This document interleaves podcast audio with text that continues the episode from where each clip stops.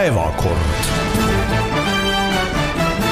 Tere päevast, head kuulajad, reedene päev on käes, sestap on ka siin Delfi eetris saate Päevakord aeg ja stuudios on Urman, Urmas Jaagant Eesti Ekspressist ja Indrek Riikoja Maalehest.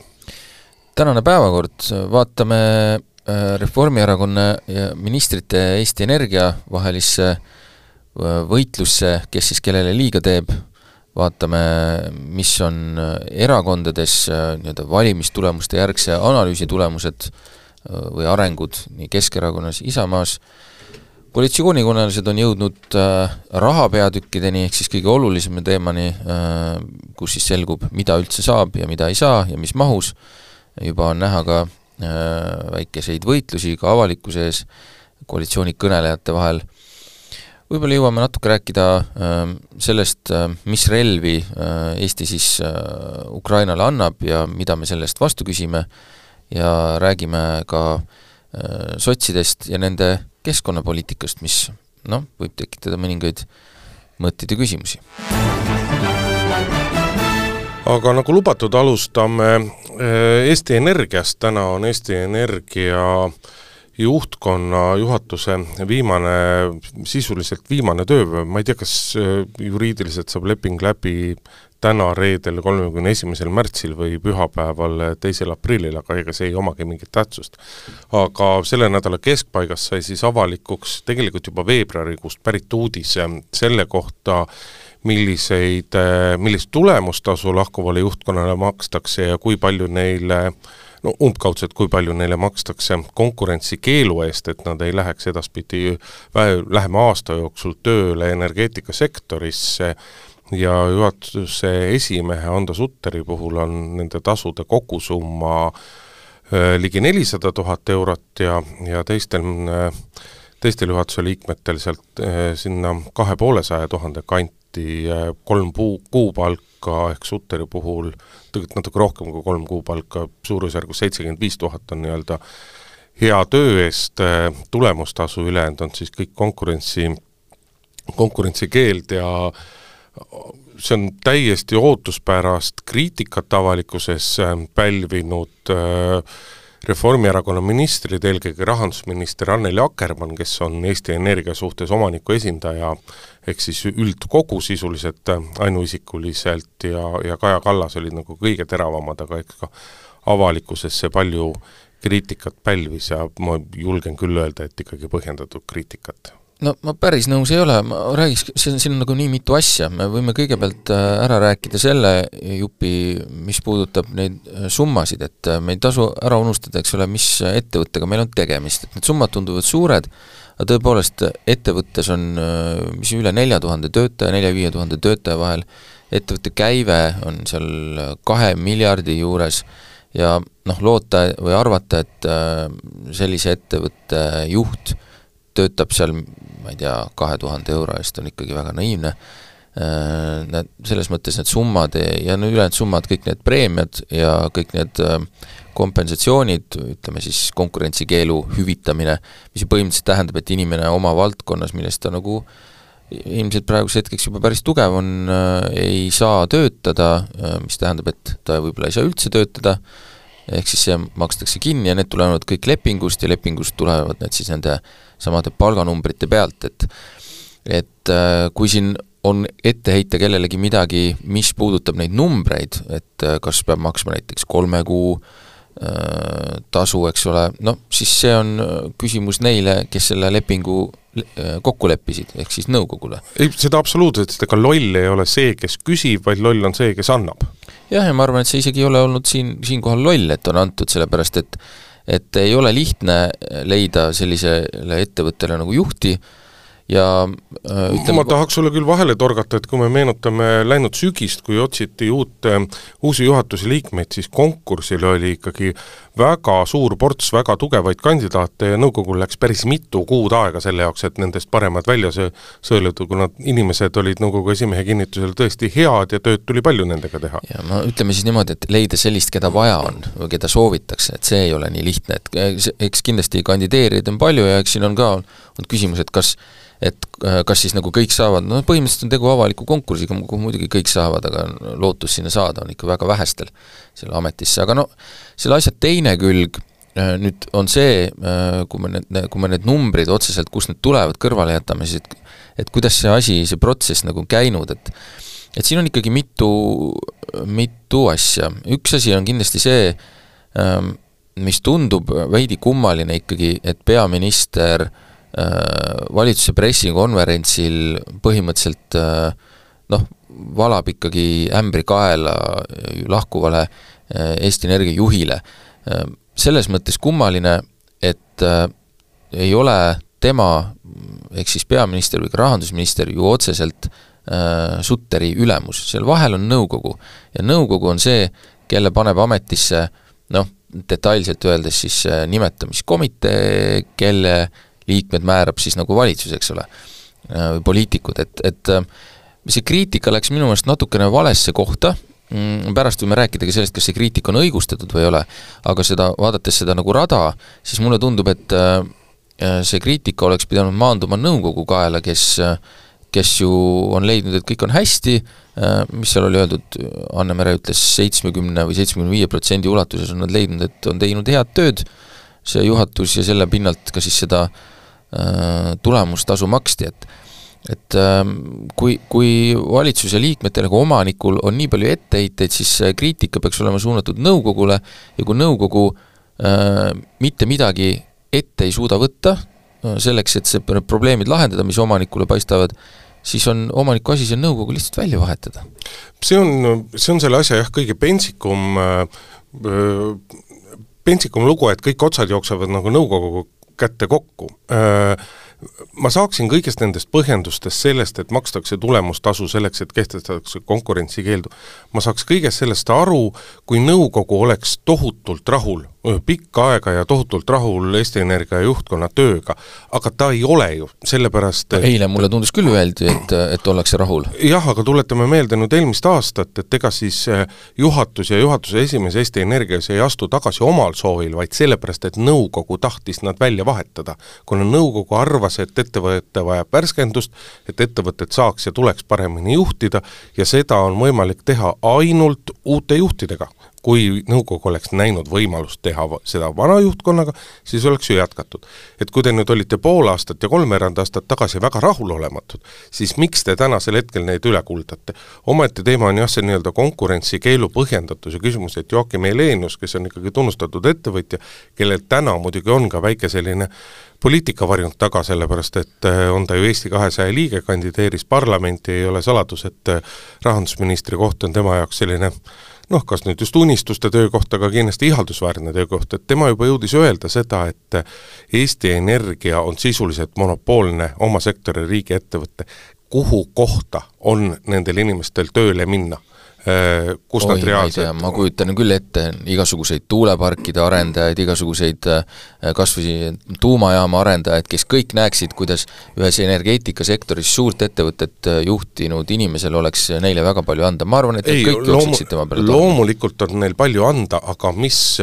mis kahju sünnib, see, sünniks sellest Eesti Energiale, mis on nagu see reaalne asi, mida Eesti Energia siis kaotab, sellepärast et me, me ei tohi unustada seda, et see ei ole nagu nii lihtne, et sa lõpetad ühes ettevõttes töö ära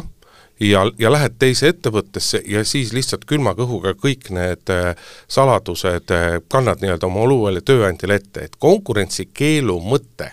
ei ole mitte nii väga kaitsta iseenda ettevõtet, vaid konkurentsikeelu mõte on pigem jätta teised ettevõtted, heast spetsialistid, kes mingil põhjusel on sinu juurest lahkunud äh,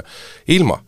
kuna äh, ärisaladuse hoidmise kohustus ja kõikide muude konfidentsiaalse info hoidmise kohustus on meil kõigil, või noh, valdaval osal meist on töölepingutes sees ja see ei kehti mitte ainult töölepingu ajal, vaid ka neid ärisaladusi, konfidentsiaalset infot ei tohi me vastavalt oma töölepingule ka tulevikus edasi anda. nii et eh, kui me seadust järgime, siis see küsimus on lõigatud, et konkurentsikeelu mõte on mitte nii väga iseenda äh, olukorra halvendamine ära hoida, vaid pigem nii-öelda jätta ilma teised headest inimestest. ei no muidugi, kui sa arvad, et see juht läheb sinna äh,, ei hakka nagu, isegi kui ta midagi välja ei räägi, ta ikkagi, ta teab, kuidas näiteks suur konkurent või teine tegutseb ja siis noh, ise toimetab vastavalt sellele, et aga see polegi, see on võib-olla siin natukene nagu kõrvaline, et oluline, mis on oluline, on ikkagi see, jah, tõepoolest, ma olen sinuga selle koha pealt nõus, et äh, kui seitsme, kui nüüd praegu öeldakse, et seitsmekümne viie protsendi ulatuses oldi rahul juhtkonnaga, et kas see, kas see oli vähe selleks, et see äh, juhtkond oleks võinud jätkata, et seitsekümmend viis protsenti on koolis, see on korralik neli. See, see on väga hea, see on hea tulemus. ei saa välistada, et nõukogu tahtis, et oleks viis pluss, et äh, ja sellepärast oli vaja välja vahetada, ei saa välistada, aga küsimus ongi selles jah, et et ähm, kuidas see nõukogu on toimetanud, mina olen aru saanud, et ega tegelikult ei ole ka ju äh, rahandusministril erilist võimalust seda nõukogu välja vahetada üldse, esiteks saab seda, ma saan aru, teha ühe liikme kaupa ja teiseks see käib ikkagi läbi sellesama nimetamiskomitee, mm, mis siis on ka, mis on ametisse pandud ja kes siis neid nagu äh, valib neid äh, tippjuhte, et selles mõttes keeruline olukord, aga mulle, mulle tundub, et see ei ole kuigi hea praktika üldiselt ikkagi, et, et et selliselt äh, noh, poliitikud reageerivad, et see on ikka puhtalt emotsionaalne, nüüd, nüüd võib-olla me peaks rääkima ka sellest, et et äh, mis nende etteheidete sisu ikkagi on? ma torkan sulle nii palju vahele, et äh, sellist kriitikat oleks kõike võimu-, kõike võinud teha Anneli Akkermann. Äh, kui rahandusminister, kui Eesti Energia nii-öelda äh, omaniku üldkoosolek, aga Kaja Kallase puhul noh, Kaja Kallas langes sellisesse nii-öelda nagu mikromanageerimise võrku, et ma saan aru, et advokaadina on energeetikateemadega palju tegelenud, see teema on talle südamelähedane ja tal on seal paljudes küsimustes on nagu väga selged ja väga tugevad seisukohad. aga, aga tegelikult loomulikult ei ole see, ei ole see peaministri asi kritiseerida, aga noh, üks asi, mida me Kaja Kallase reageeringust selgelt võime välja lugeda, et ta ka rahandusministrit nagu kõige tugevamaks oma ametis ei pea, et kui tal oli tarvis tulla seda kõike rahandusministri eest ära tegema. no eks, eks äh, rahandusminister küllap äh, teadis ka seda, mis, mis hoovad tal on ja mul on jäänud niisugune mulje, et neid väga palju pole. no ei ole see saab. nii lihtne, tegelikult on rahandusministril ja omaniku esindajal on siis, siiski palju nagu, siiski üksjagu palju üksjagu palju hoobi, küsimus on nüüd selles, et kas nõukogud, on siis Eesti Energia nõukogu või mõni teine nõukogu, kui palju nemad rahandusministrit omaniku esindajana aktsepteerivad. mina tajun selles suhtumises küll kõige rohkem siiski välja seda, et, et, et Anneli Akkermanni rahandusministrina ei aktsepteerita võib-olla, aga ikkagi see sisuline küsimus, et äh, luges äh,, luges nii rahandusminister kui ka peaminister ette mingeid asju, mille arvates, mille järgi siis nemad äh, loevad seda välja, et see juhatus Eesti Energia juhtimine, juhtimisega ei ole hakkama saanud äh,. Nüüd terve rida on ka mingeid vanu asju, eks ole, noh, tuletame siin võib-olla mõne asja meelde, üks on see äh, kõige kriitilisem, olen mina aru saanud, on see Äh, Narva veehoidla, see jahutusvee küsimus, eks ole, mis, mis äh, valitsus äh, andis suunise siis ära lahendada, et siis Venemaa ei saaks seda kinni keerata ja meile probleeme tekitada. Ja ma saan aru, see ei ole senimaani lahendatud, mina ei tea, vaatasin eile mm, Sutter esines ETV-s, ütles, et kõik omaniku ootused on täidetud. Et ausalt öeldes ega ongi keeruline aru saada, et kas siis on täidetud või ei ole täidetud, kõike nad muidugi ei saa ka rääkida, sest mõned asjad on kaetud äh, riigisaladusega, eks ole, aga, aga minule jääb küll nagu äh, kuidas saab olla niisugune olukord, kus poliitikud ütlevad, et omaniku ootusi mingites konkreetsetes punktides ei ole täidetud ja juhtkond ettevõttel ütleb, et on täidetud? aga vaata, siin tekibki see probleem, et, et kõik otsad jooksevad kokku äh, nõukokku Sutteri jaoks saavad omanikupoolsed otsused või ka Eesti Energia järgmise juhi jaoks saavad omanikupoolsed otsused tulla läbi nõukogu ja nõukogu käest. see, et peaminister midagi arvab, et rahandusminister midagi arvab kuskil valitsuse pressikonverentsil ja ütleb, et seda võiks või seda peaks tegema,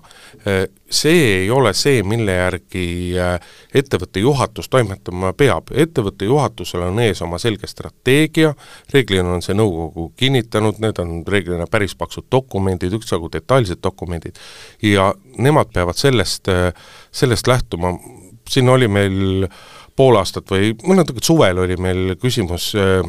oli riigi raudteefirmaga, et et noh, et kui palju nemad võivad nagu Venemaaga äri ajada ja kui palju nad ei või, kas nad võivad mittesanktsioneeritud kaupu vedada või mitte, poliitikud ütlesid, et issand jumal, issand jumal, mis nüüd on, eks ole, aga ettevõtte juhtkond ütles, et aga meil on nõukogu poolt kehtestatud strateegia ja meie peame seda järgima, see, et poliitikud meile tänasel hetkel ütlevad, kui meie hakkaksime ütlema seda või tegema nii, nagu me kuuleme, et poliitikud kuskil räägivad ja lähme vastuollu nõukogu, nõukogu antud juhistega, siis oleme meie süüdi, kui midagi juhtub, siis meie vastutame. et siin on ka natuke seesama küsimus ühesõnaga, me jõuame, me jõuame sellesse kohta, kus see asi on, näeb välja nagu tervikuna kui nagu halb juhtimine, et et ongi keeruline, mul, mul tekib vahepeal niisugune tunne, et, et noh, mõned inimesed on ka, olen siin poliitikutega rääkinud, kes ütlevad, et et no ikkagi jääb niisugune mulje, et see nõukogus nagu nii-öelda omaniku soov piisavalt ei noh, ei kõlanud siis või et, äh, et, et need nii-öelda omaniku ootused siis ei saanud nagu piisavalt kiiresti või piisavas mahus täidetud, nii nagu see etteheide on, kuigi juhtkond väidab, et on täidetud, siis me jõuame selle küsimuseni, et äh, mäletatavasti oli kunagi suur küsimus sellest, kui palju peaks üldse nõukogudes olema poliitikuid.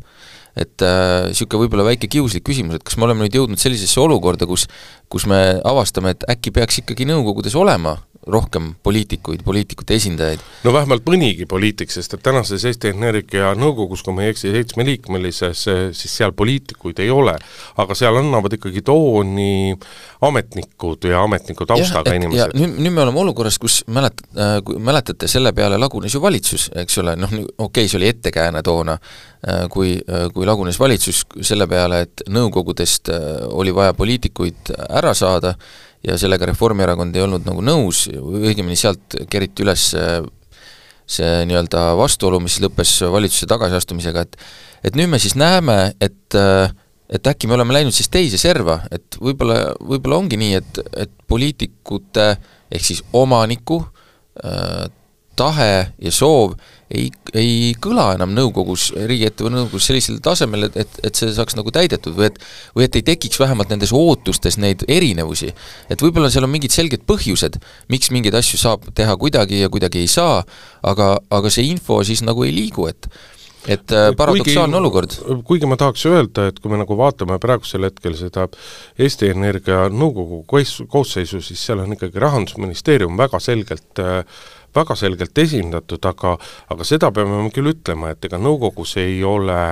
ei ole ei poliitilist tasandit sees, ega nõukogus ei ole ka väga tugevat,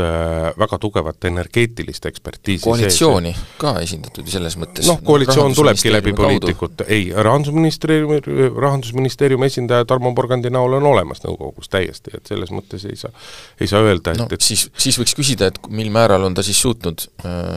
näiteks kommunikeerida või kuidagi äh, seista äh, omaniku äh, ootuste eest, ehk siis noh, jah, võib-olla ongi selle asja nagu niisugune kokkuvõte see, et võib-olla peaks selle nõukogu ikkagi tõsisemalt selles mõttes ette võtma, et, et vaatama, et mis seal siis mis seal siis nagu see keeruline koht on, et kuidas saab olla nii, et et omanik näeb, et ei tehta asju, mis soovitakse, ja need tuuakse faktiliselt välja, need juhtumid, ja selle peale saab juhtkond öelda, aga kõik ootused on täidetud, et siis see, see see dissonants ei saa niimoodi jääda, et seal, see peab nagu kuidagi selgeks saama, kus see, kus see lõtk siis sisse tuleb. ja noh, teiselt poolt ikkagi ka nõukogu peab selles mõttes endale otsa vaatama, et kui te olite eelmisel aastal nii rahulolematud, et te tahtsite mitte lihtsalt juhatuse esimehe ja mõne üksiku juhatuse liikme välja vahetada, vaid terve ettevõtte juhtkonna välja vahetada, siis on tänasel hetkel jabur hakata neid lahkumise puhul tunnustama. see on noh, see, seal on tugev vastuolu sees. teine pool on see, et siin on juba viidatud, et noh, erasektoris on sellised asjad tavaks, erasektoris asjad niimoodi käivad,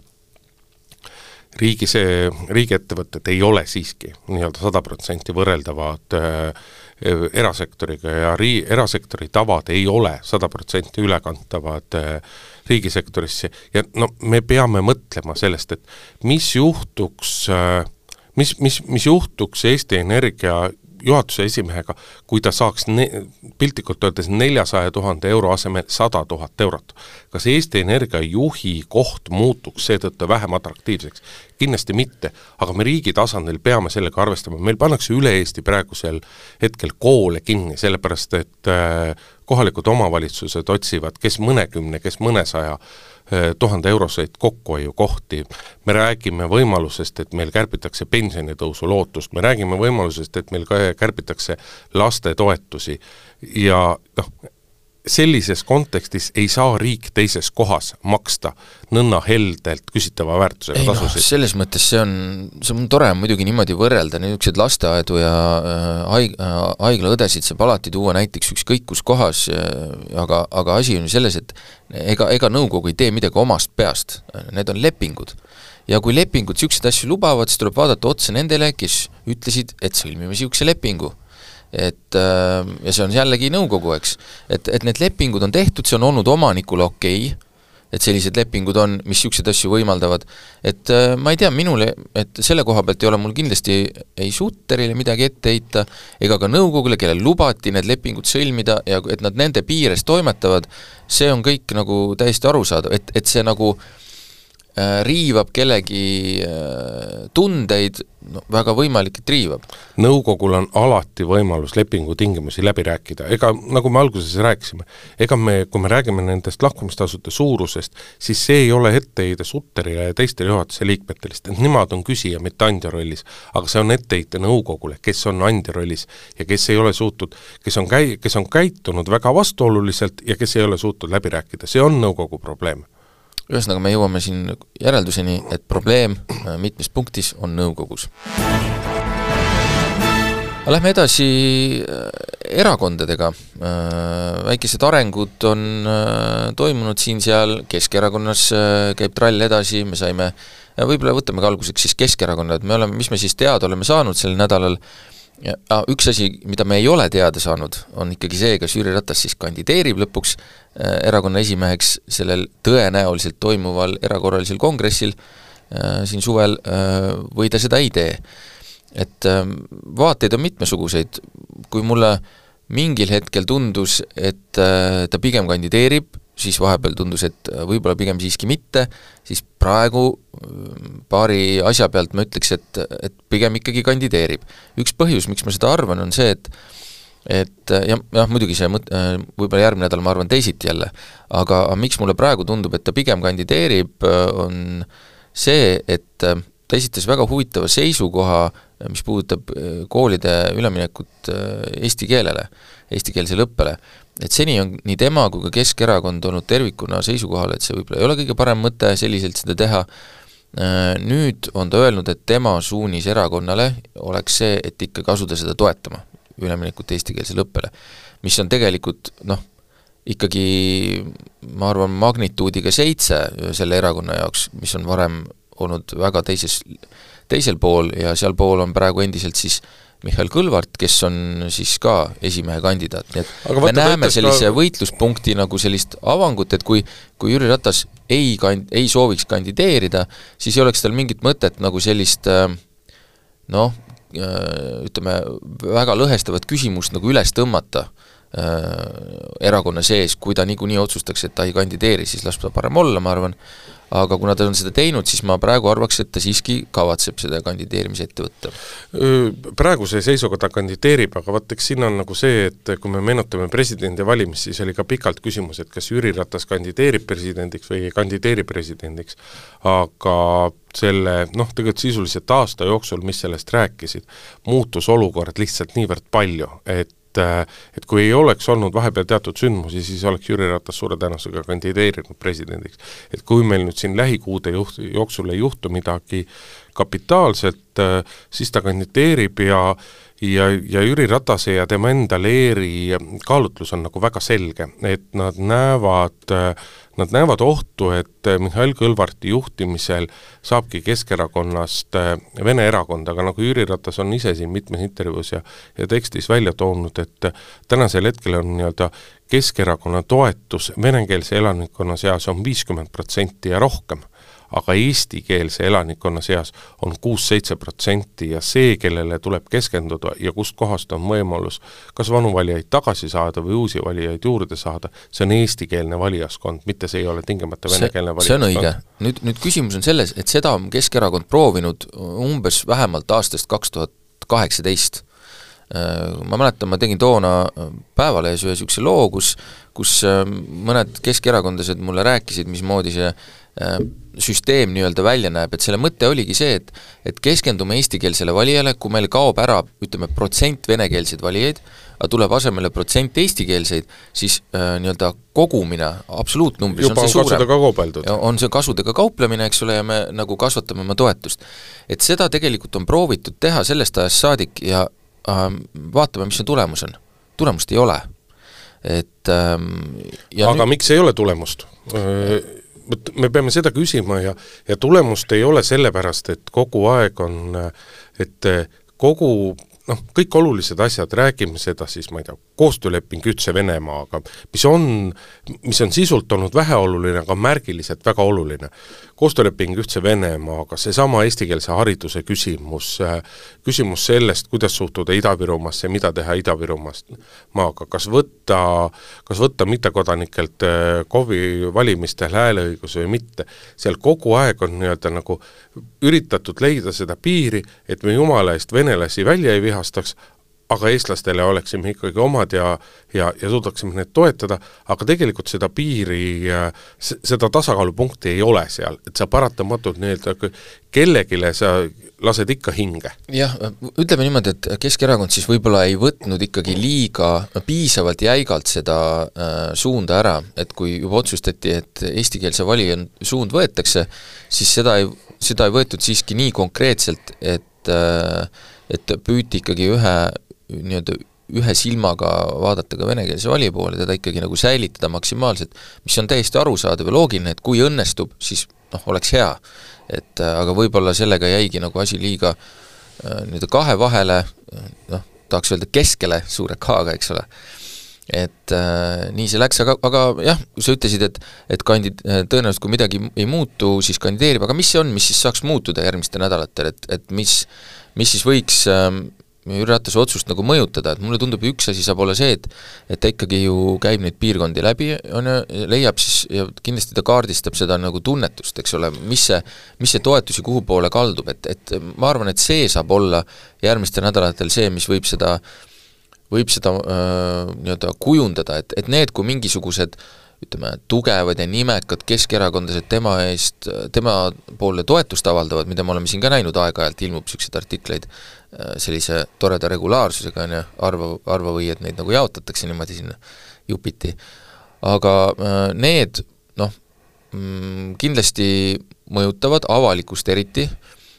aga need ei anna kindlasti nagu täit pilti sellest erakonna sees olevast toetusest et äh, ma arvan, et see kaardistamine on praegu siis, praegu ilmselt kõige olulisem. see on jah, väga libe tee on otsustada, langetada otsuseid selle järgi, et mida arvavad äh, Kadri Simson, Enn Eesmaa, Jaan Toots äh,, issand, noh, piinlik no, ka Tanel Kiik, aga ma tahtsin hoopis selle Haapsalu mehe nimi, nime öelda, Jaanus Karilaid. Jaanus Karilaid, väga piinlik lugu, et läks meelest ära sellepärast, et tähtis on tegelikult seda, et mida arvavad, äh, mida arvab Keskerakonna mass ja selle koha peal seda Keskerakonna massi kuulut-, kuulatakse. ja praegusel hetkel ega Jüri Ratase töö ei ole mitte selles suunas, mis lisab mulle ka usku, et ta, ta kandideerib esimeheks. et ei käi mitte ainult nii-öelda niisugune õhu nuusutamine ja, ja tunnetuse kaardistamine, vaid tegelikult käib tänasel hetkel ikkagi ka juba väga selge sisuline vastutöö Mihhail Kõlvartile ja käib, et Keskerakond, kes ei ole kunagi tahtnud Vene kaardi peale mängida, et Keskerakonna sees tänasel hetkel siiski mängitakse ikkagi väga selgelt Vene kaardi peale ja väga selgelt mängitakse ka Jüri Ratase ja tema toetajate või eelkõige tema toetajate poolt mängitakse sellele kaardile, et et kui tuleb Kõlvart, siis Keskerakonnast saab venelaste erakond. selles mõttes on võib-olla Jüri Ratasel praegu väga hea variant, et kui, kui ütleme, kahe tuhande kaheksateistkümnenda aasta paiku oli see äh, suuna valimine selline noh, keeruline ja see, see, nagu me nägime, siis see nii-öelda äh, va-, valijate vahetamine ei tulnud nagu hästi välja, siis praegu on võimalik tõesti tegelikult see suund täiesti äh, kindlalt ära võtta. et äh, Ratas saabki praegu tegelikult otsustada, et me võtamegi selle eestikeelse valija suuna ja äh, noh, ütleme jutu poolest me näeme seda, et kõik on, kõik on eestimaalased ja nagu ta räägib alati äh, aga see suund, noh, juba selle eestikeelse hariduse osas, see on nii tundlik teema, et sellega on ikkagi nagu suund võetud. seda küll, aga ega Jüri Ratas ei taha tegelikult võtta seda suunda, et et saame nüüd eestlaste parteiks, see ei ole eesmärk, et Keskerakonnale olemuslikult tegelikult sobib selline olukord äh, nagu noh, nagu see Edgar Savisaarel kestis, olemuslikult sobib see olukord tegelikult väga hästi, et et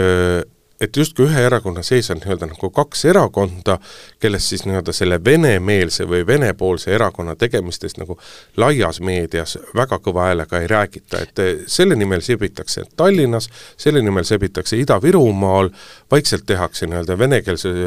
venekeelset kommunikatsiooni,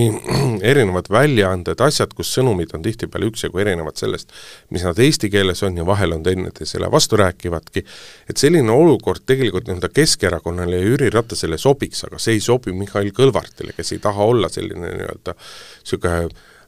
varjuesimees. ja ei no tegelikult äh, peab Eesti riik päris palju olema tänulik Keskerakonnale selle eest, et, et need äh, nii-öelda venekeelsed valijad on olnud selle erakonna küljes, ma arvan, nad on selle eest liiga vähe tänu tegelikult saanud, et nad on hoidnud neid seal, nendega ka noh, võime öelda, mil määral tegelenud, eks ole, aga no ikkagi nii, ikkagi piisavalt, et seni ei ole väga palju olnud neid, kes äh, valivad äh, siin selliseid jõude nagu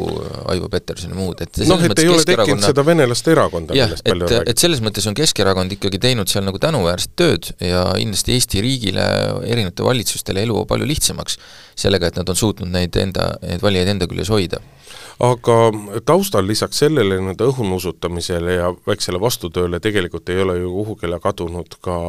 küsimus sellest, et kas erakonna volikogu ikka üleüldse erakorralise kongressi, kongressi otsustab välja kuulutada või mitte. ja kui siin veel nädal-poolteist tagasi tundus, et see erakorraline kongress kindlasti tuleb, siis tänasel hetkel selles suhtes enam nii kindel ei saa olla, et mina tulevikku vaadates julgeks küll esimese hooga öelda, et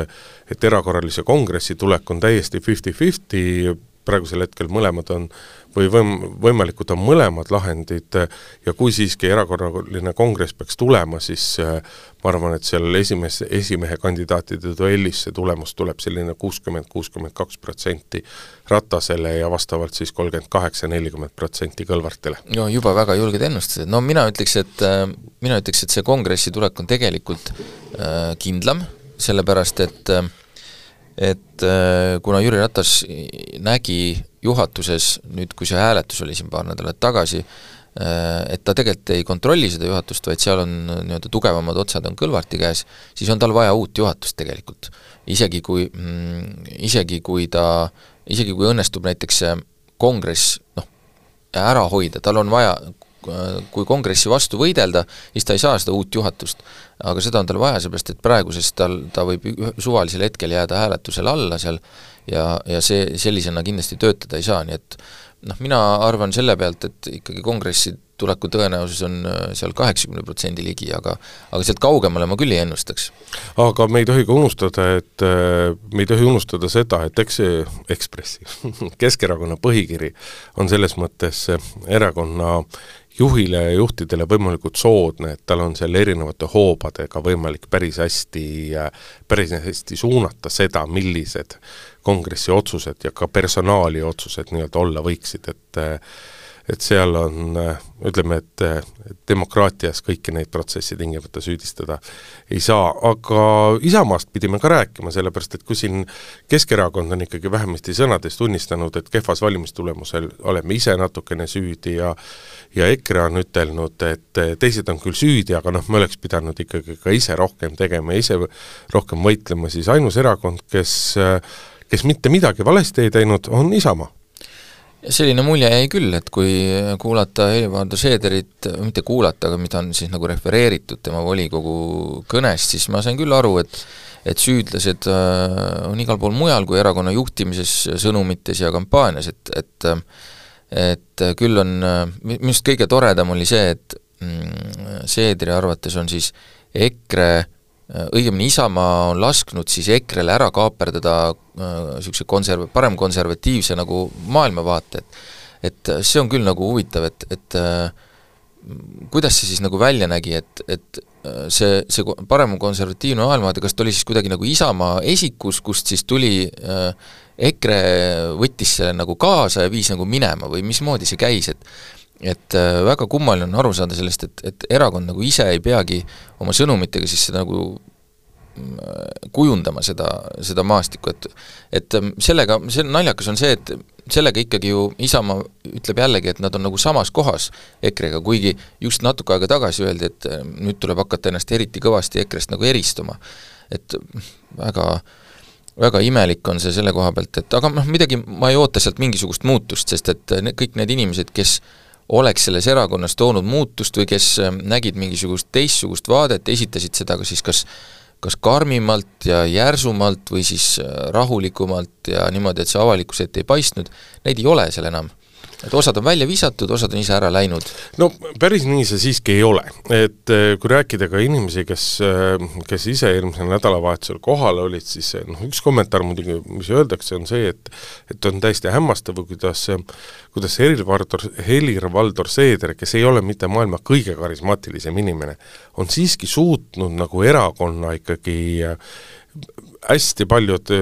erakonnajuhid ikkagi nagu ära tinistada, et nad vaatavadki talle otsa ja usuvadki kõike, mida ta räägib ja et seal ta suudab kuidagi olla tõeliselt karismaatiline, et üks inimene lausa kommenteeris, et kui ta suudaks samamoodi olla, samasugune olla ka valimistel ja poliitikas, et no mis viga meil siis me oma toetusega oleks, et siis oleks tulemused kõik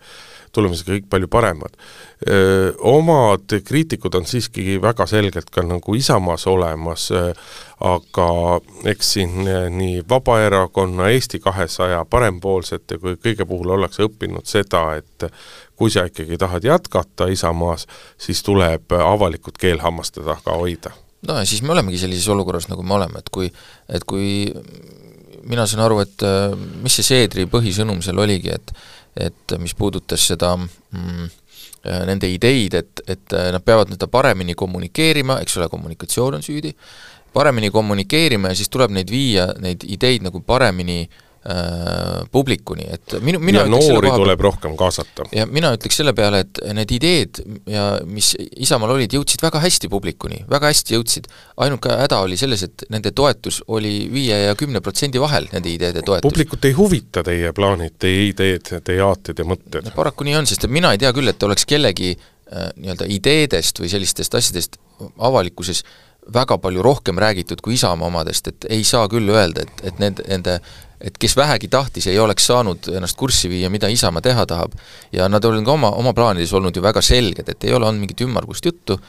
häda, nende häda ongi see, et lihtsalt inimesed ei tahtnud neid ideid ja ma ei ole kindel, kas see järeldus äh, erakonna sees on tehtud või tehakse. et kui me võrdleme, võrdleme ennist räägitud Keskerakonda ja võrdleme Isamaad, siis äh, Keskerakonnast paistab nagu äh, välja selge soov, tahe ja ka mingisugused mõtted, kuidas oma olukorda parandada, kuidas oma reitingut, reitingut tõsta, omaette küsimus on, et millised meetmed sellele tegelikult kaas-, millised plaanid, mõtted sellele kaasa aitavad ja millised mitte, siis Isamaa puhul ma nagu ei näe kuskil seda soovi, et see, see kogu jutt on lihtsalt niivõrd nagu umbmäärane ja nii üldine, et ma ei, ma ei näe seda reaalset soovi nagu midagi äh, noh, tõesti midagi hüppeliselt paremaks teha. kui, kui me siin juba Keskerakonna puhul ennustama asusime, et, et mm. suvel on ju äh, Isamaal ka suurkogu, et äh, kas, kas Seeder kandideerib? Seeder kandideerib ja kandideerib üksinda äh,. Vot mina pakun ka, et kandideerib, aga kas ta, kas tal on vastaskandidaat, selles ma nii kindel ei ole, no ma pakun, et keegi, et äh, nähes, kuidas Keskerakond on pildis praegu esimehe võitlusega, ma arvan, et äkki Isamaa leiutab mingi kõrvalkandidaadi ka. aga lähme edasi ka mm, äh, valimisteemadega selles mõttes, et valimistulemused äh, said nüüd kinnitatud kaebused Riigikohus on läbi vaadanud, midagi sealt ei rahuldatud, aga äh, oli huvitav see, et äh, Riigikohtu esimehel oli ikkagi märkusi selle kohta, mis puudutab siis äh, e-valimisi, et äh, noh, ma arvan, et see on muidugi Eesti äh, riigi poolt ikkagi väga suur möödalaskmine, et tegelikult seda märkust ei tehta esimest korda, et e, et e-hääletusi puudutav asi peaks olema konkreetsemalt reguleeritud seadustes. Äh, detailsemalt seadustes, mitte nii, et seda asja valimiskomisjon ja valimisteenistus seal madalama astme aktidega äh, reguleerivad, et seda etteheidet on tehtud juba kahe tuhande üheksateistkümnendal aastal Riigikohtu poolt Mõt, ja ma... seda etteheidet tehakse nüüd jälle, no teeme selle siis korda. ma just äh, tahtsin sulle vahele öelda, et mina oleks olnud väga üllatunud, kui neid märkusi ei oleks tulnud, et nende tulek mind ei üllatunud. aga just nimelt sellepärast, et et me räägime,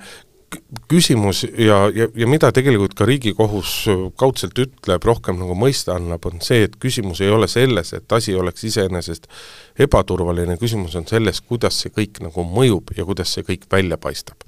ja, ja aga, aga noh, jälle siin me ennustasime, eks ole, tulevat suve, mina julgen küll ennustada, et nelja aasta pärast me oleme ikka jätkuvalt samas seisus, et mitte midagi muudetud ei ole, et see on nagu presidendivalimiste korra muutmine. et iga kord pärast valimisi räägitakse ja siis see kukub kuhugile maha, sest et teema on keeruline, teema tahab palju rääkimist ja arutamist, teema tahab inimesi, kes sellest aru saaksid, aga poliitikutel on kõigi nende asjadega nagu on jah, et selles mõttes kolmandat korda, kas see Riigikohtus nagu pidama jääb, ega siin oli ju ka ettepanek, et äh, või tähendab, õigemini Riigikohtu esimehel oli ju äh, eriarvamuses ettepanek, et siin oleks pidanud algatama, kas oli põhiseaduslikkuse järelevalve? just. et, et seda ei tehtud, et ma arvan, et äh,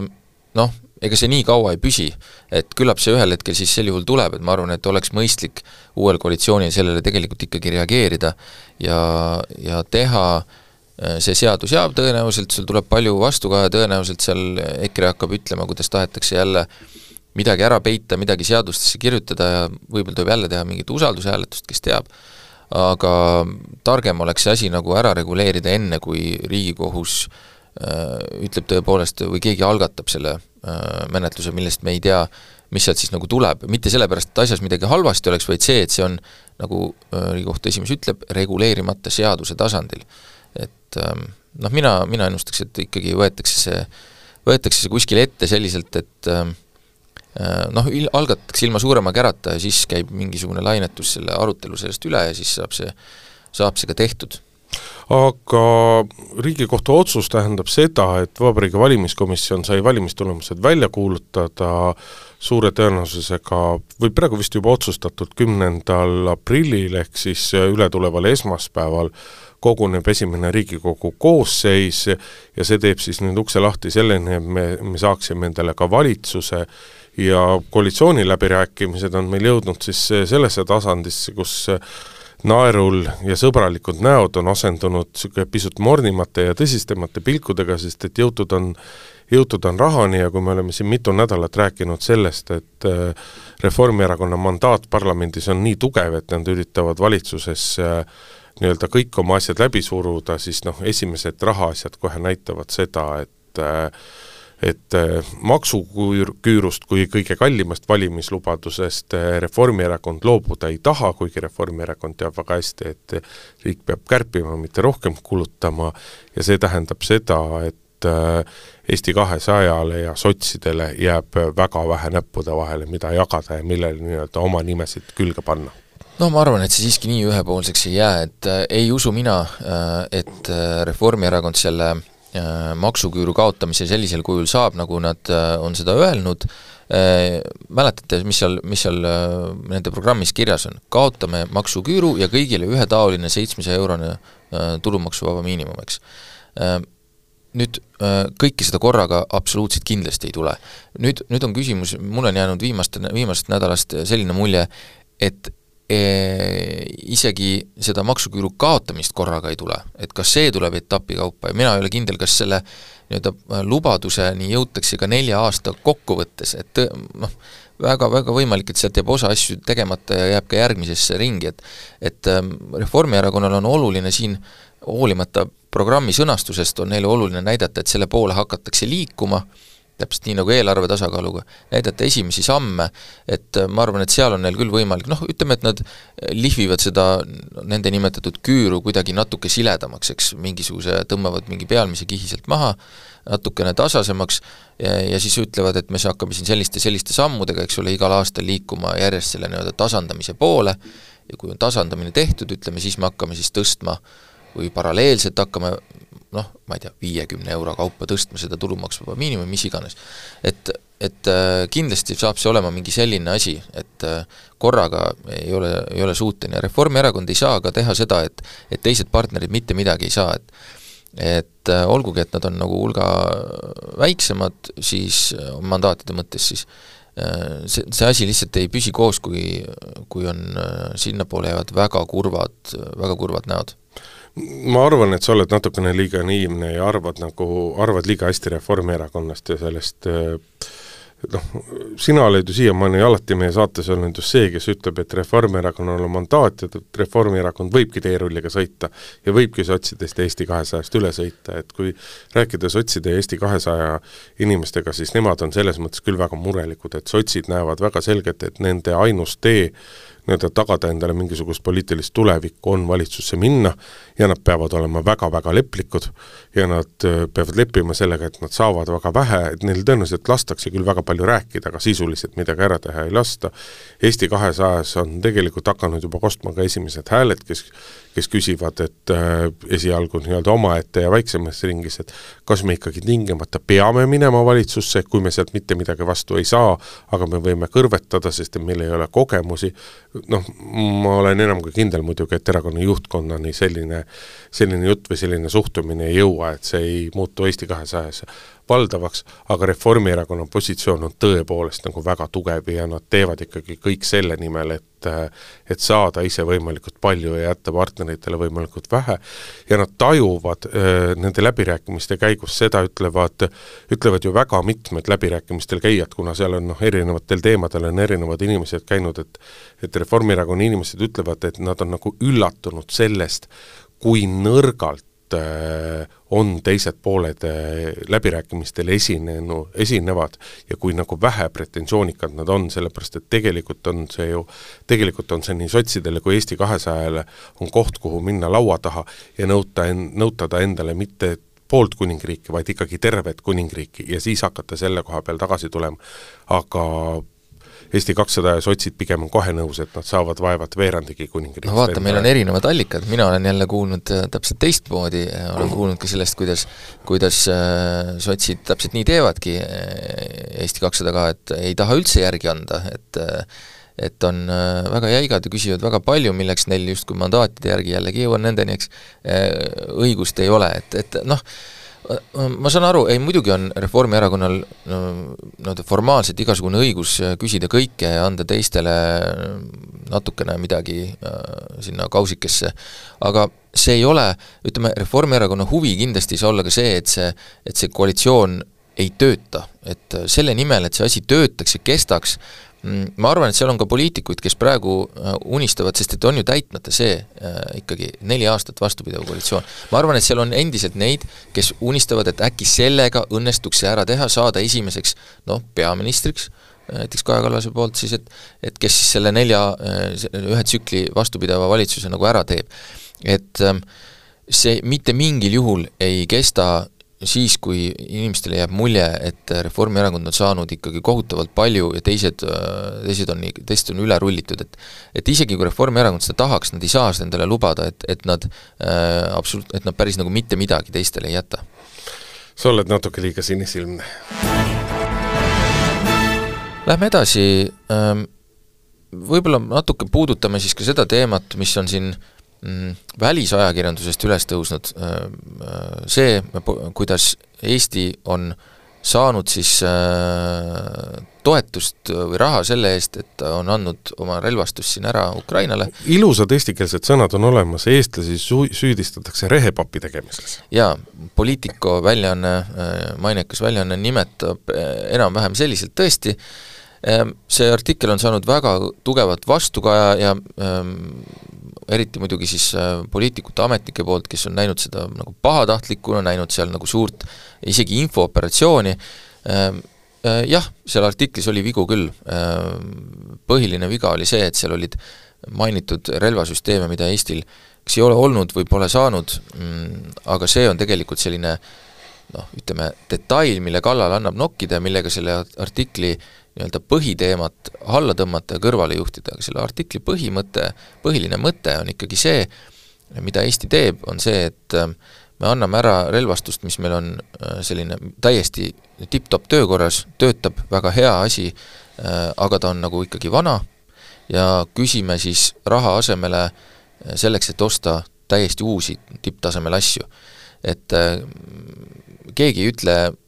et Eesti annab ära nagu noh, on küll öeldud küll, et vana rauda, eks ole, ta ei ole päris vana, ta ei ole selles mõttes vana raud, ta on küll vana, aga ta on töötav. ta ei ole vana raud, vaid ta on vana raud. ehk see lahti seletatud tähendab tegelikult seda, et kui Eesti annab ära ühe kahuri, mille ostmine tänasel hetkel maksaks piltlikult öeldes sada tuhat eurot, siis reaalselt selle kahuri hind, mida ära antakse, tema hind, tema saaks võib-olla maha müüa järelturul kümne tuhande euroga, aga küsitakse, no liialdasin, ütleme, et viiekümne tuhande euroga saaksid sa selle maha müüa, siis see kahur antakse ära, aga asemele küsitakse ikkagi sada tuhat eurot. aga see on äh, aga see on üldine tava selles vallas ja, ja see, see arvestuse põhimõte käib ja nagu Kaitsevägi on ka välja toonud, et et ära on antud rohkem kui neljasaja miljoni eest eh, erinevat tehnikat, varustust, eh, laskemoona ja mida kõike, aga vastu on Euroopa Liidu rahastusest saadud pisut üle saja viiekümne miljoni. ehk eh, eks ei ole niimoodi, et sa annad saja tuhande eest ära ja sada tuhat saad Euroopast tagasi. jaa, no seal on ka küsimus, on eks, mis hinnad, mis hindasid mingi aluseks võetakse, aga noh, ei no ei, ma ei kahtlusta siin kedagi selles, et, et keegi mingit kurikavalat plaani siin on pidanud, ma arvan, et see asi on lihtsalt nii, et Eesti on väga tublisti Ukrainat aidanud kõik, kõikide heade soovide, soovidega, mm, lihtsalt kui selle käigus äh, õnnestub välja vahetada ka see nii-öelda äh, tehnika äh, uuema ja parema vastu, siis seda võimalust on ka maksimaalselt kasutatud, et ähm, noh, kuidas seda hinnata, tõenäoliselt on see nagu sellise moraalse hindamise küsimus, et miks, miks see, miks mõned, mõned on pahased, ma eeldan, eeldaks, et need pahased on siis niisugused suured riigid, kes kes võib-olla ise nii-öelda protsentuaalselt nii palju ei ole panustanud, eks nad näevad ka seda, et Eesti sõna maksab rohkem, Eesti paistab silma äh, ja noh, nende jaoks siis näib see selliselt, et me nagu kurname seda nii-öelda rahastut siis nagu välja sellega, et ähm, kraabime, kahmame endale kokku mingisugust uut ja vinget varustust, et et tegelikult on tõsi see, et me oleme ikkagi nagu tõesti väga palju ära andnud äh, ja loodame sellega nagu asemele saada, sest et me oleme ka piiririik Venemaaga. oluline on muidugi meeles pidada seda, et kui siin on äh, enne valimisi sai palju vaieldud selle üle, et kas Eesti on jäänud Ukrainat abistades kaitseta või ei ole jäänud kaitseta, siis äh, ja Kaitsevägi pigem on öelnud, et äh, täna on Eesti nii-öelda sada, Eesti paremini kaitstud, kui ta oli aasta tagasi või ta oli kaks aastat tagasi, siis üks asi on see raha, mis on nii-öelda tagasi saadud Euroopa käest, aga Eesti on ka ise täiendavalt pannud ikkagi arvestatavaid summasid kaitsekulutustele juurde ja selle eest on ostetud nii tehnikat, millest osa on kohale jõudnud, osa veel mitte, laskemoona, kaitsevahendeid kui kui kõike muud, et et nii-öelda raha tuleb igast kohast ja see suunatakse ikkagi väga suures osas kaitsetegevusse praegusel hetkel. Saate lõpetuseks lubasime rääkida pisut sotsidest ja nende äh, keskkonnaotsustest, sellel nädalal me saime teada, et kuigi Viru Keemia Grupp on Ida-Virumaal juba neliteist aastat planeerinud uue kaevanduse avamist, äh, kasutusluba on iseenes-, või mitte kasutusluba, vaid äh, nii-öelda valdav osa lubadest on käes, käimas on nii-öelda maapealse taristu ja ja, ja tugivõrgustiku ehitamise, siis nüüd teatas järsku majandusminister Riina Sikkut äh, raadioeetris, et suure tõenäosusega me ikkagi VKG-le uue kaevanduse rajamise luba ei anna, et et äh, ostku Eesti Energia käest, neil on äh, põlevkivi küll ja küll, samal ajal kui Eesti Energia ütleb, et nemad ei ole küll omanikult saanud mingisugust korraldust, et nad peaksid hakkama oma oma maavarasid, äh, oma varusid ka VKG-ga jagama. aga üksinda võib-olla see ei olekski nagu nii märkimisväärne, kuigi kahtlemata oluline, aga kui me vaatame sellest, kuidas kuidas sotsid on siin viimaste kuude jooksul just keskkonnateemadel äh, selliseid soolosid teinud äh, keskkonnaminister, keskkonnaminister Madis Kallas mitte palju enne valimisi otsustas riigimetsa raiemahte järsku vähendada, viidates keskkonnatingimustele ja kui siin Eestis on käinud arutelud selle üle, et kui õige või vale oleks Euroopa regulatsioon, et kahe tuhande kolmekümne viiendast aastast peaks peaks keelustama uute sisepõlemismootoriga autode ehk siis bensiini ja diisli peal töötavate autode müügi, siis seal on ka nagu sotsid olnud need, kes erinevalt kõikidest teistest erakondadest selle, tulised selle poolt on ja noh, jättes nagu kõrvale selle teema, et kas keskkonna seisukohast on need valikud õiged või need valikud ei ole õiged või kas nad on Eesti majanduse seisukohast õiged või mitte, siis äh, mind pisut siiski nagu kummastab, et äh, et, et mida sotsid, kelle toetus värsketel, värskete valimistulemuste põhjal on ikkagi pehmelt öeldes kasinad, et noh, mida nad nagu üritavad selle kõigega saavutada, et et ilmselgelt ei ole see nagu väga selgelt Eesti huvides ja ma ei näe ka nagu Eesti valijaskonnas nii-öelda tohutut toetuspinda sellistele otsustele ja, ja teema-, teemadele. kui sa neid asju siin ette lugesid, mul on niisugune tunne, et, et äh, sa kahtlustad praegu sotsi selles, et neil on maailmavaade et see on küll väga huvitav, et, et et see, et nad äh, vaatavad, et nad on võtnud suuna selles suunas, et, et nad teevad, peavad neid keskkonnaprobleeme nagu äh, Äh, oluliseks ja tahavad, ja selles suunas mulle tundub, et on kõik need asjad, mis sa ette lugesid, üsna ühte suunda, siis ma ütleks, et siin on isegi mingisugust maailmavaate alget, eks ole. see on väikese irooniaga öeldud. no jah, aga, aga millisele erakonnale see maailmavaade siiamaani nagu tulu on toonud? Äh, no vot, siin ongi küsimus sellest, et tegelikult kõik saavad aru, äh, kõik erakonnad, kes ka praegu koalitsiooniläbirääkimisi peavad, saavad väga hästi aru, et see on tuleviku teema, et seal on tuleviku valijad, ja äh, siin kindlasti sotsid on äh,, kui sa ütled, et, et sellel ei ole mingisugust pidamist või siin ei ole, sa ei näe, kes neid toetavad, küll sa varsti hakkad nägema, et äh, ma arvan, juba järgmistel valimistel, et et ma, ma ütlen sulle tead niimoodi..., sa ei suuda mind selles osas veenda, sest et me, kõik märgid on juba viimased kakskümmend aastat näidanud seda, et ja see on sotside puhul omaette huvitav küsimus, mille kohta nii-öelda poliitteoreetikud võiksid nii-öelda minu arust põhjalikku uurimustöid tege-, teha, et kui me vaatame seda, mis meie ümber toimub, ümbritsevates riikides toimub, siis viimased kakskümmend aastat oleks sotsid pidanud juba nagu tõusma ja tõusma ja tõusma, aga sellest hoolimata ei ole kuidagi Eestis millegipärast sotsiaaldemokraatia kunagi tuld tiibadesse tuld täpselt nii, kui ka rohelised ei ole saanud, aga, aga vaatame selle no, peale. vaata, rohelisi Eestis on, rohelist erakonda Eestis on tehtud noh, see on niisugune nii-öelda nagu põlve otsas lastemäng olnud rohkem, mitte tõsine erakonna tegemine, et see, sotse selles kindlasti süüdistada ei saa, nemad on ikkagi tõsiselt poliitikat ja erakonda teinud kogu aeg. jaa, lihtsalt küsimus on selles, et, et äh, see, äh, see maailmavaade või ütleme siis need teemad, et kui tõesti, kui sa ei näe neid äh, asju kerkimas, siis soovitan ringi vaadata, et ma, see koalitsioonikõnelustelgi Äh, kõik need erakonnad on lubanud sellist noh, ükskõik kes, kuidas seda nimetab, kas kliimaministrit või äh, sellist, sellist ametit, äh, ma ennustan, et kes selle endale saab, selle üle läheb sellel suures, suureks vaidluseks, sellepärast et et kõik need kolm erakonda saavad aru, et seal on tulevased valijad selles teemas on tulevased valijad ja nendest sammudest mina näen, et olgugi, kas need on Eestile kasulikud või mitte, kas need, kas me peame neid, seda nagu populismiks või mitte, kas need on sisuliselt head või mitte, sotsid siin püüavad hakata seda teemat juba adresseerima ja ma arvan, et see ütleme, et poliittehnoloogiliselt ei ole rumal mõte mul lihtsalt vahepeal remargi, ma korra siin äh, üle-eelmises plokis, kui me Keskerakonnast, Keskerakonnast ja Isamaast rääkisime, siis mul kogu aeg kuklas nagu tiksus, et kui me saadet ette valmistasime, rääk-, rääkisime mingist erakonnast ju veel, kes nagu mingeid otsuseid tegi ja praegu mul plaks tuli meelde, et õigu-, õigus, õigus, et rohelised näitasid nii tugevat selgroogu, et valimised läksid täiesti untsu ja nemad vahetavad oma juhtkonna täitsa välja kohe aga see ei ole tähtis. sotside puhul hämmastav on ka nagu see, et, et ühest küljest jah, tore on nagu, et on sellised maailmavaate alged või paljudele inimestele see sobib, aga kuidas selline maailmavaade võiks nii-öelda nagu ka Eestis, Eesti majandusele kaasa aidata või Eesti majandust kuidagigi positiivselt nagu toetada, sellest on ikka küll praegusel hetkel nagu väga kriitiline aru saada, aru saada ja ja vägisi tundub nii, nagu noh, tegelikult Reformierakond ja, ja väikest viisi ka Eesti kakssada on sotse nagu süüdistanud, olnud, et et kogu aeg käib ainult jutt ikkagi sellest, kuidas see, kuidas see raha tuleb kulutada, raha tuleb kulutada, aga keegi ei räägi ega mõtle sellest, kust see raha tulema peab, mida kulutada. jah, see, seepärast nad ongi sotsiaaldemokraadid, et, et nii see on. et muidugi äh, on see majanduspool, sellega ma olen täiesti nõus, et see on väga oluline ja eks seda kõik need erakonnad, kes seda teemat hakkavad nii-öelda endale keskmesse seadma, sellist äh, väga keskkonnateadlikku vaadet, peavad hakkama nende küsimustega nagu tegelema, neid, päris palju seda seletamist neil tuleb, et see tasakaalupunkt on leida, tuleb leida, see kindlasti ei ole selles, et me ei anna iial ühtegi kaeveluba või me ei luba võtta maha, luba maha võtta ainult minimaalset metsa, vaid me keelame ära sisepõlemismootorid, et et see lahendus ei ole kunagi saab... täpselt seal, et see, et see lahendus on kuskil Äh, noh, see võib-olla kõlab kuidagi selline turvaliselt, et see on seal vahepeal, aga ta tegelikult ongi, et äh, need üleminekud saavad olema väga rasked, võib-olla igas asjas neid ei toimugi,